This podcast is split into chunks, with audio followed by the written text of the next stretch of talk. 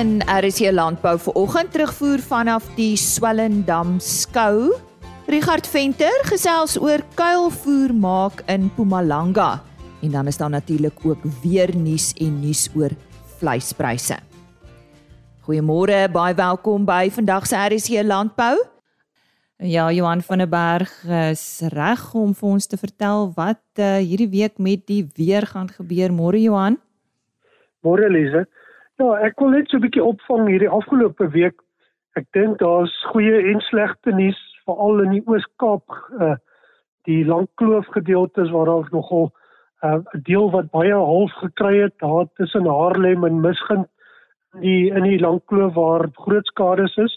Maar daarmee saam het daar 'n redelike klompie reën en vinnige reën gekom en dit lyk asof uh die water op pad is daar na die die Kouga dam toe uh wat so leeg is. So mense hoop net dit bereik die dam. As ons kyk na hierdie volgende week of 2, uh min reën oor die land. Daar kan weer oor die Wes-Kaap. Ons het gesien laasweek het daar 'n afsny laag ontwikkel. Daar is weer 'n moontlikheid hier in die volgende paar dae uh dat daar veral oor die Suid-Kaap gedeelte weer 'n klompie reën kan voorkom. Oor die res van die land baie min reën. En dis hoofsaaklik as gevolg van die tropiese storm, dis nie meer 'n sikloon Freddy wat nog steeds uh rondom en in die Mosambiek-kanaal uh teenwoordig is. Nou hierdie storm is nou al baie lank.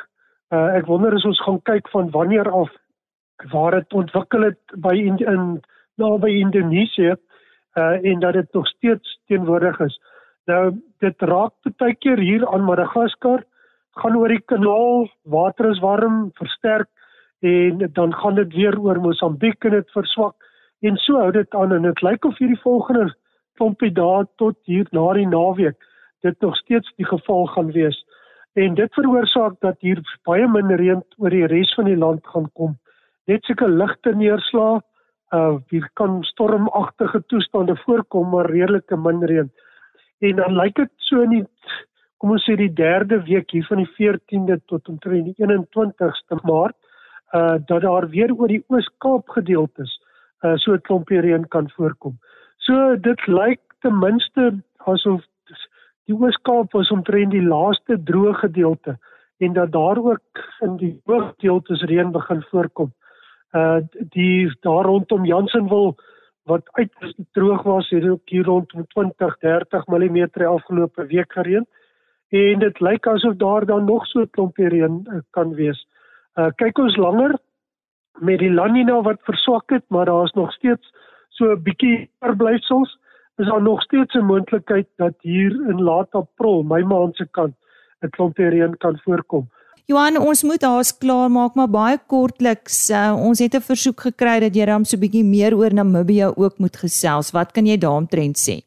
Ja, mense kan hier oor die kom ons sê sentraal-westelike dele van die Noord-Kaap en dan Namibië lyk vir die volgende 2-3 weke maar min reën. Baie warm toestande wat gaan voorkom. Die noordelike gedeeltes kan dalk so 10 na 20 mm in die volgende 2-3 weke kry. Maar oor die algemeen redelik negatief reën, baie warm toestande vir ten minste dit lyk op hierdie stadium vir die hele maart. Daar kan dalk in April so bietjie meer kom, maar ongelukkig na die goeie reën wat in Namibië veral die noordelike gedeeltes voorgekom het in Januarie en Februarie, lyk dit asof daardie kraan ook nou besig is om toegedraai te word. Johan van der Berg met ons weer nuus en volgende week maak hy weer so. Dis nou eers tyd vir ons vleispryse, soos altyd op sy pos Chris Derksen. Môre Chris. Goeiemôre Lisa, goeiemôre môre al ons medeboere. Gee graag vir julle die verslag van die vleispryse vir die week van die 8ste Maart. Volgende is belangrik. Die mark is maar onder baie groot druk. Eerstens moet ons onthou dis laat somer en dis altyd die groot invloed van speenkalvers van al die boere wat begin speen vir die winter. Tweedens moet ons onthou dat die mielieprys sal waarskynlik styg as gevolg van die swak rand en dan derdens moet ons onthou die ekonomie is besonder pap. En dan die oorvloei van die back and closure tragedie het ook nog 'n effek omdat baie van die voerkrale hulle beeste moet uitslag voor hulle hulle krale weer vir ander vee kan gebruik maar ek gee vir julle die presiese pryse.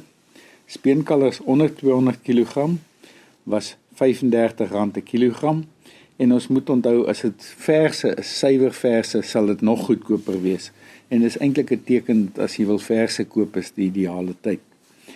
Van 200 tot 250 kg R34.61 en oor 250 kg R33 presies. A-klasse was R28.38.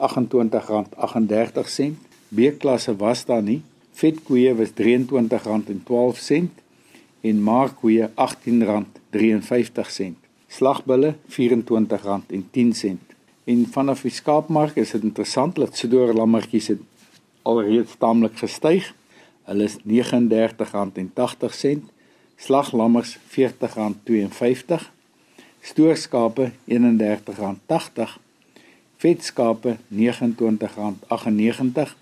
en daar was nie bokke op die veiling wat iets werd was nie. Chris Derksen met ons vleispryse. Hulle webtuiste net weer www.vleisprys.co.za. Swellendam se jaarlikse landbou skou is van 2 tot 4 Maart gehou. Die skou is vanjaar 191 jaar oud en is die oudste landbou skou in die suidelike halfrond. Een van die hoogtepunte van die skou was 'n landbouoggend wat deur meer as 200 landbouers bygewoon is. Die genooide sprekers by die geleentheid was Dr Pieter Taljaard, hoofuitvoerende beampte van Graan SA en professor Theo Venter, professor in praktyk aan Universiteit van Johannesburg. Dr Pieter Taljaard het oor Graan SA se strategiese fokusareas en die uitdaging van produksiekoste in die graanbedryf gepraat. Professor Theo Venter het gefokus op die veranderende politieke klimaat in Suid-Afrika en die probleme wat kragonderbrekings in die landbou veroorsaak. Ons het ongelukkig nie tyd om vir oggend al die gesprekke hieroor uit te saai nie. So vir oggend begin ons met Pieter Taljaard en volgende week sal ons luister wat Theo Venter te sê gehad het. Hoe gaan dit met Suid-Afrika se graanboere en hoe lyk die vooruitsigte vir die wintergraan en somergraanboere? As ons kyk nou gaan dit met die graanboere, wil ek vir jou sê na 'n uh, 'n uh, amper 2 maande se rondry in verskillende streke wat ons was, dit gaan goed met die graanboere in hierdie land. In die wintergebied en in die somergebied, wintergebied weet ons, ehm um, die afgelope seisoen was nie so gunstig in terme van opbrengste nie, maar tog was daar uh, beter pryse. So die laaste jaar was vir die wintersaai gebied nie so so gunstig in terme van die van die finansiële situasie nie. En die die uitdaging is die die wintersaai gebied plant nou hierdie jaar met 'n derde keer wat hulle dier bemesting gebruik. So hulle is onder druk maar op hierdie stadium met die ehm um, produkpryse wat gebeur het internasionaal en waar ons sit is daar nog steeds 'n 'n wins te maak. Ehm um, so die vooruitsigte lyk nie te sleg nie. As ons kyk na die somerkant, uh, as 'n daar's 'n goeie oes op die land. Daar is gedurende die laaste 2 weke van Januarie was dit warm oor die binnelandste gebiede. Daar is um, van die aanplantings wat skade gekry het, maar daar's tog nog 'n baie belowende en 'n 'n groot potensiaal oes op die op die land. Ons het onlangs gesien die die oeskatting vir sojabone byvoorbeeld 2.6 miljoen ton, die hoogste ooit. En en dit beteken sojabone is nou die tweede grootste ehm um, gewas in terme van van grane wat nou uh, geelmielies verbygegaan het in terme van van oppervlakte en ook dan as mens nou kyk na na waarde. Al lyk die vooruitsigte gunstig, hou boerderye altyd risiko's in. Wat is huidig die vernaamste risiko's en uitdagings? Ons risiko is net natuurlik die die wisselkoers. Die wisselkoers wat wat bly verswak en die daling wat ons sien internasionaal die tendense op ons insetkoste en dit sluit nou in die bemesting so alle alle kunsmisstowwe het lekker internasionaal afgekom maar die plaaslike pryse kom nie daarmee af nie as gevolg van die verswakking in die rand. En dan ook ons gewasbeskermingsprodukte onkruiddoders insekdoders swamdoders het het deur die bank internasionaal is die is die aanduiding aanduidings en die en die tendense is is dat dit tot met uh, 35 40% afgekom het. En die die uitdaging is daai tydperk wat dit vat om om deur te kom in die plaaslike mark is nie altyd so vinnig soos wat pryse gewoonlik uh, opwaarts reageer nie. So ehm um, on, ons kyk maar wat gebeur en probeer seker maak die die kettinge en die waardekettinge is is effektief ehm um, sodat die die prysdalings kan kan deurkom. Dan natuurlik is daar 'n klomp uitdagings soos in die in die res van die ekonomie wat wat graan uh, produsente in die gesig staar. Maar die die algemene gevoel is um die produsente is positief. Hulle kyk uit, hulle maak planne tipies soos die Suid-Afrikaanse produsent en en het nuwe idees. En dis die waarde, dis die waarde van hierdie hierdie samewerking en en saam bly praat en en planne maak en en en dit dis vir ons belangrik by Graan SA om seker te maak ons vermoë om te beïnvloed waar dit nodig is om beleid te kan werk en om nuwe beleid te kan maak is is daar en en laat die laat die waardeketings effektief kan werk. Ons sit met die uitdagings met infrastruktuur en en waar ons kan probeer ons dit regmaak, maar dit is 'n is 'n bekommernis. Veral met die hoë reën in sekere gebiede het baie um, baie agteruit gegaan en het verskeie produsente vir ons gesê uh, die vervoerder vervoerkontrakteurs wil nie noodwendig meer by hulle kom kom laai nie of of begin 'n 'n premie vra oor oor paaie wat in 'n swak toestand is. En en dit lei tot 'n algehele verhoging in die in die graankoste natuurlik ook graandiefstal is 'n is 'n kwessie en en dit maak die risiko ook hoër sodat dit dit lei tot 'n verdere stygings in die in die produksiekoste en daai vervoerkoste van graan. So nee, die uitdagings is legio, maar ehm um, ja, daar is dan goeie vooruitsigte op hierdie stadium. Deel van die inisiatiewe wat graanboere neem om te oorleef is planne om hul eie krag op te werk. Pieter Taljaard vertel ons meer van die planne wat boere in die verband maak. In sekere gebiede soos meer en meer um, produsente op 'n sekere lyn van die netwerk afgaan begin hulle besef dat sekere eh, siplyne nie meer winsgewend gaan wees nie. En die behoefte gaan wees veral met hierdie 'n uh, konsep uh, waar jy in die in die vrye mark by ander uh, energie uh, opwekkers kan krag koop, die privaat mark, hulle praat in Engels van die wheeling uh, uh, kan doen gaan plaaslike en kleiner mikronetwerke al hoe meer belangrik word en het uh, produsente byvoorbeeld in die um, Piet Retief area vir ons gesê maar dis belangrik om vroegtydig met Eskom te begin onderhandel om te sien of kan produsente en en gebiede streke nie sekere gedeeltes van die lyne terugkoop en in privaat netwerke onderskep nie. En dis dis presies waaroor ons praat, die inisiatief, die die optimisme en die ehm um, vooruitdenke van van die Suid-Afrikaanse produsent. Ehm um, so ja, hier's interessante goed wat wat kom en en ehm um, dit dit wys net die die saam bly planne maak. Hulle sê mos jou planne moet net nie opraak nie. Ehm um, dis dis waar die uh, oplossings vandaan gaan kom. Dan is politieke risiko's en die risiko rondom die onteiening van grond veroorsaak deur groot onsekerheid in die landbou. Wat kan landbou doen om hierdie risiko aan te spreek? Myns insiens is een van die grootste uh, risiko's die politieke risiko wat ons het behalwe vir infrastruktuur en dienste is is die hele onsekerheid rondom ehm um, die grondkwessie. Uh, grondonteiening sonder vergoeding, ons weet dis nie 'n kwessie wat net oornag gaan verdwyn nie. En ehm um, dit is dis een van die groot motiverings hoekom ons ehm um, grond moet oordra. Hoekom ons ontwikkelende boere moet suksesvol kry. Ons sit met 'n groot geleentheid in Suid-Afrika wat ons nog ekstra kan produseer. Dis hoekom dit ook van van graan is as 'n kant af belangrik is om seker te maak ons het daai uitlaatkleppe in plek. Ons kan bly uitvoer. Ek dink daar's daar's nog geleenthede met ander kommoditeite ook en en selfs verwerkte produkte wat ons verder kan uitvoer. Maar die die die skep en die vestiging van opkomende boere wat winsgewend op hulle eie voete kan staan en nie bakkant met die by die regering staan nie is is vir ons van kardinale belang want die produsente het in die in die normale vrye markekonomie is maar net met dieselfde uitdagings in die in die gesig gestaar.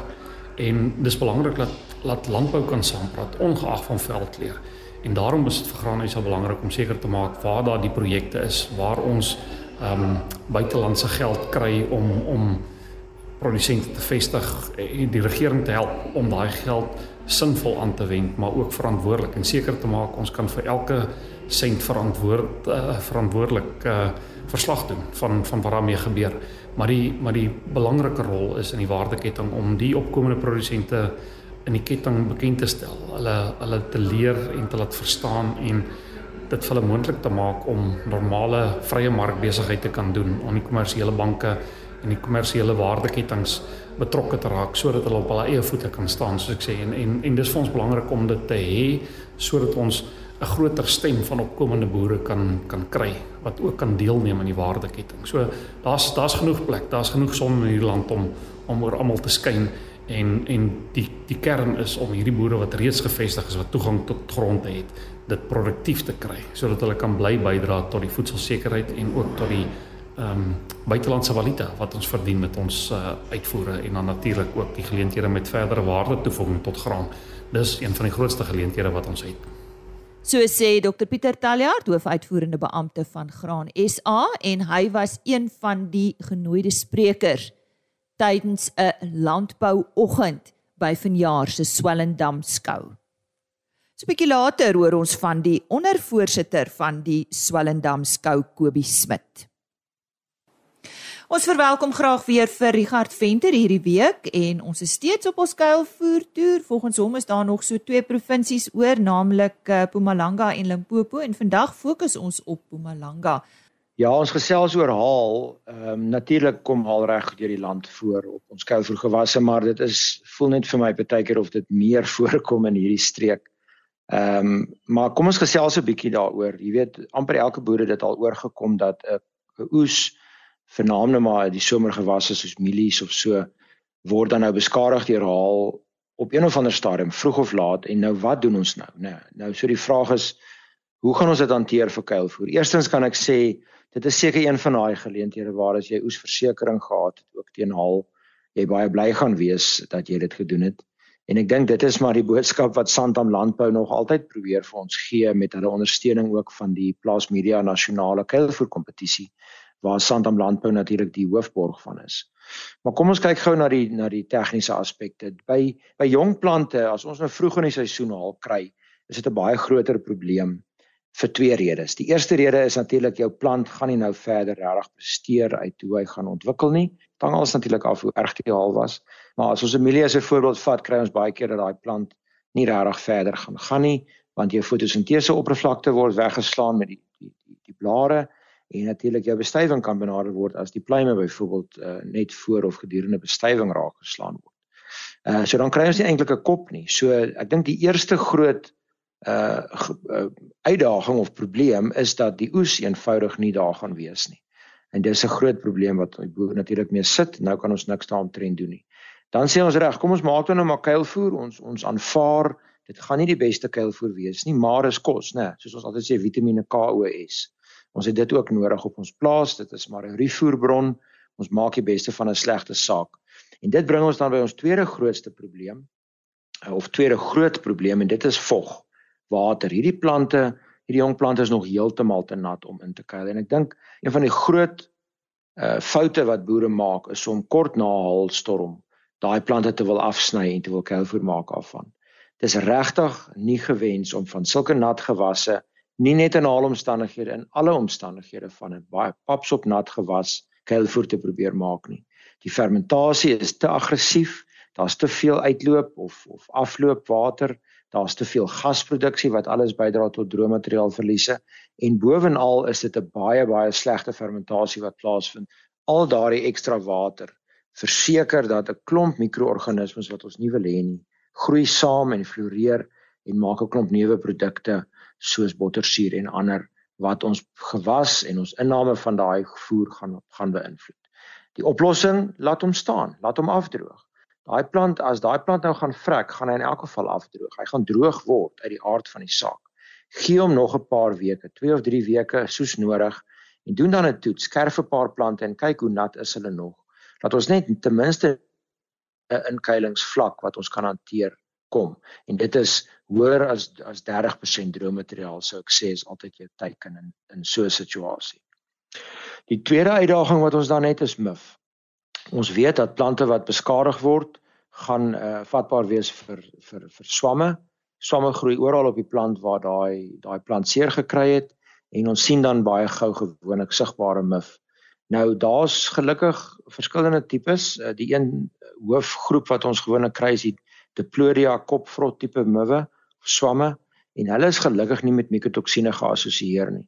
Maar ons probleem is wanneer ons die Fusarium kopvrot tipe kry. Die Fusarium spesies is wel geassosieer met 'n verskeidenheid van mikotoksine soos die fumonisine, die uh, don en zia. En die probleem is nou daai toksine gaan nie gaan nie afgebreek word in die kuilvoer nie. Hulle gaan wel uh, nie verder groei daai swamme in in die inkuiling nie ons stop hulle groei in die inkuilingsproses, maar die, die toksine wat reeds teenwoordig is, bly ongelukkig in die voer. So dis iets waarvan ons moet bewus wees en dit beteken maar net dat daardie uh voer gaan tipies saam met toksienbinders gevoer moet word om die dier teen daai toksine te probeer beskerm en dit is natuurlik 'n glad nie 'n gewenste situasie.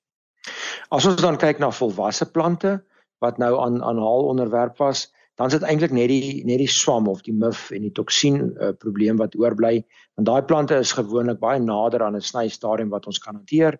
So jy laat hom eenvoudig 1 of 2 weke afdroog en jy kry eintlik goeie kuilvoer uit hom uit as jy klaar jou pitontwikkeling gehad het.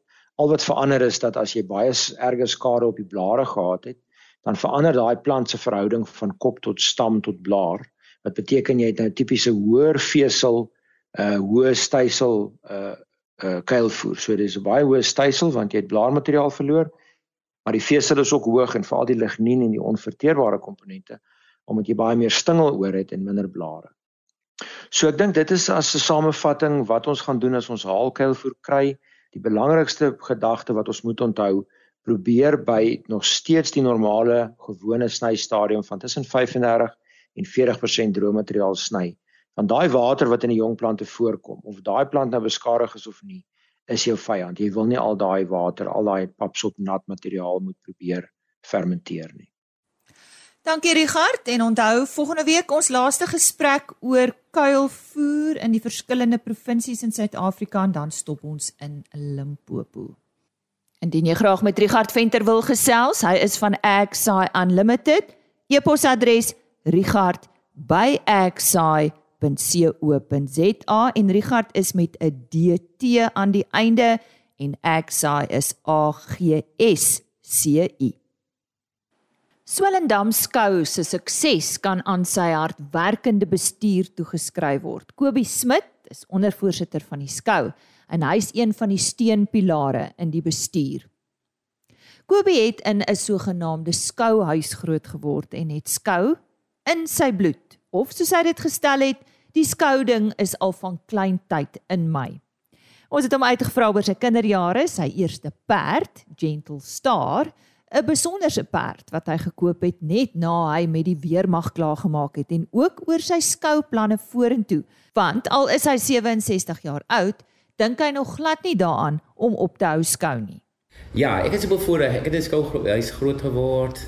'n skouhuis. Dit beteken perde. Ek is mal daaroor. 'n Perd is ek gaan amper die dag verby wat ek op 'n perd sit. Dit is so flippend heerlik.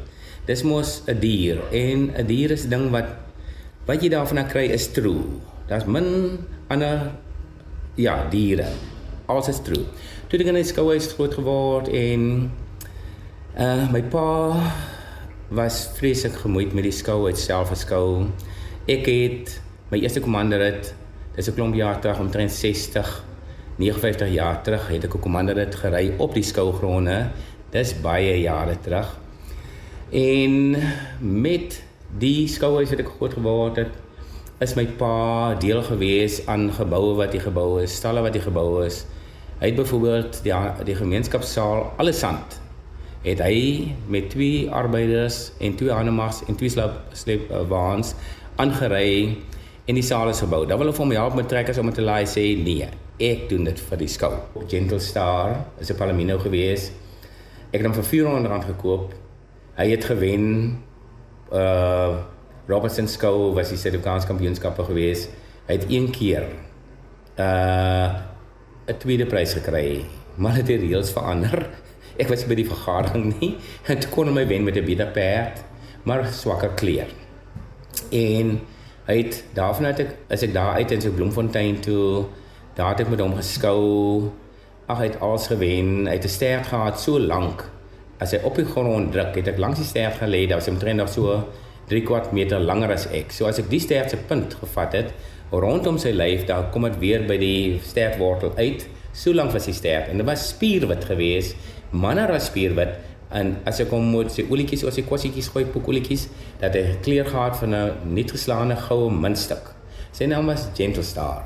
Dit was my so oulik geweest so Ja, ek skou al die jare tot nou toe. Ek is nou 67 en ek skou nog steeds en ek skou op Swellendam. Ek gaan vir jare Bloemfontein skou. Ek was seker 20 jaar laas daar gewees en ek skou elke jaar op 'n reis met my boer, met my boerperd gaan nou weer soontoe. Ja, en my perde is almal jonk. So ek gaan skou tot in die 70 toe. Maar ek dink dan gaan my weer 'n paar jong perde kry net uit ek in die 80 toe kan skou of miskien in die 90. Ek weet nie. Ek gaan dit maak. Die skoubestuur het baie jare hard gewerk om Swellendam skou se fondasies stewig te lê. Vandag spog die skou oor 'n bate wat miljoene rand werd is. Die bate word net gebruik om te skou nie. Daar word ook ander geleenthede aangebied wat elke jaar meer as 20 miljoen rand na die dorp bring. Ons het Kobie daaroor uitgevra en ook oor hul planne om met 'n diensorganisasie die toekoms van die skou en die skouterrein vir die nageslag te verseker. Ons grond as ek met hektare sê, sal omtrent so 6 hektaar wees. Die geboue, as ek 'n menskapsaal vat as jy hom vandag moet bou, sal ek sê jy gaan my onder 'n 9 miljoen bou nie. Die ander skoolwinkelsaal ek het net maar 'n bedrag genoem hier. Maar dit is 'n enorme groot ding wat toegebou is met 'n paviljoen aan met 'n wyntuin aan die agterkant wat ook toegebou is met 'n bar en 'n kombuis. Ek sou sê jy sou mookie vir 'n 12, 14, 15 kabou nie. Dis net die twee geboue. Die diensorganisasie uh kan niks verkoop nie. So as ek die dag dood is of almal in die bestuur is dood, 'n diensorganisasie mag net skenk aan 'n ander diensorganisasie. So uh ek dink hy is redelik veilig. Ehm um, dan het ons ook ehm um, besighede op die skoolgronde wat geld inbring elke maand. Ehm um, die geld wat ingebring word uh maak ook goed vir die voortbestaan en daar's nog ander projekte wat ons ook gaan doen. Dan ek moet nog met ons koöperasie bestuur gaan gesels. Ehm um, 'n koöperasie gaan nie dood nie, maar ons gaan dood. So ek wil dit weer terugbring want wat hier gedoen is is basies deur Swellendam se boere en hul gemeenskap gedoen. Alles uh, die mense uit hulle sakke uitgegee en dit is so mooi uh dat almal gedoen het. Daarom doen is dit omdat respek het en daarom moet dit bly voortbestaan en toe het ons ehm uh, dit omskep ook na baie geld wat inkom vir die dorp. Die Double Sensory 3200 fietsse. Ehm um, die bring so tussen 11 en 15 miljoen in dorp in waarvan ons so 30000 rand kry. Randepot bring so 9 miljoen in. Die skougronde, dit is ook fietsse, randepot. Uh dit is 800 tot 900 fietsse. Die skou uh, skou self het laas jaar 7200 fietsse ge voete gehad. Die hele dorp se gastehuise was vol.